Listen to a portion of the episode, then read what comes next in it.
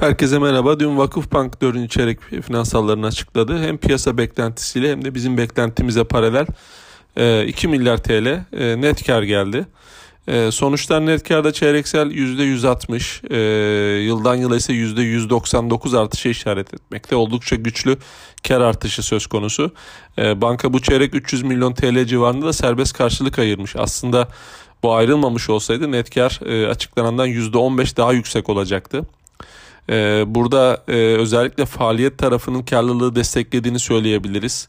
Genişleyen kredi mevduat makası ve güçlü menkul kıymet gelirleri sayesinde çekirdek gelirler dediğimiz faiz artı komisyon gelirleri geçen çeyreğe göre %77 artış göstermiş.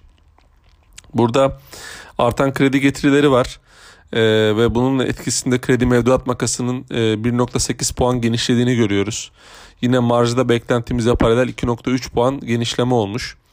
E, bankanın e, toplam serbest karşılığı 1.8 milyar TL'ye yükselmiş. E, sermaye getirisi ise bu çeyrek %16'ya yükselmiş ki geçen çeyrek %6'lardaydı.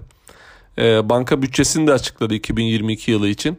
Burada sektörle paralel TL kredi büyümesi, 75-100 bas puan e, arasında marj artışı, %20 civarında komisyon artışı ve sermaye getirisinin bunların hepsinin ışığında %14-17 arasında gerçekleşmesini bekliyor.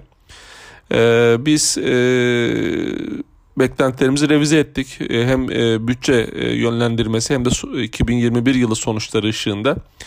E, buna göre 2022 için e, %146 kar artışı öngörüyoruz bankadan. E, ve hedef fiyatımızı %26 yükseltiyoruz. 5 lira 60 kuruşa ki önceki 4 lira 44 kuruş e, idi. E, ve hisse için tavsiyemizi de endekse paralel getiride endeks üzeri getiriye revize ediyoruz.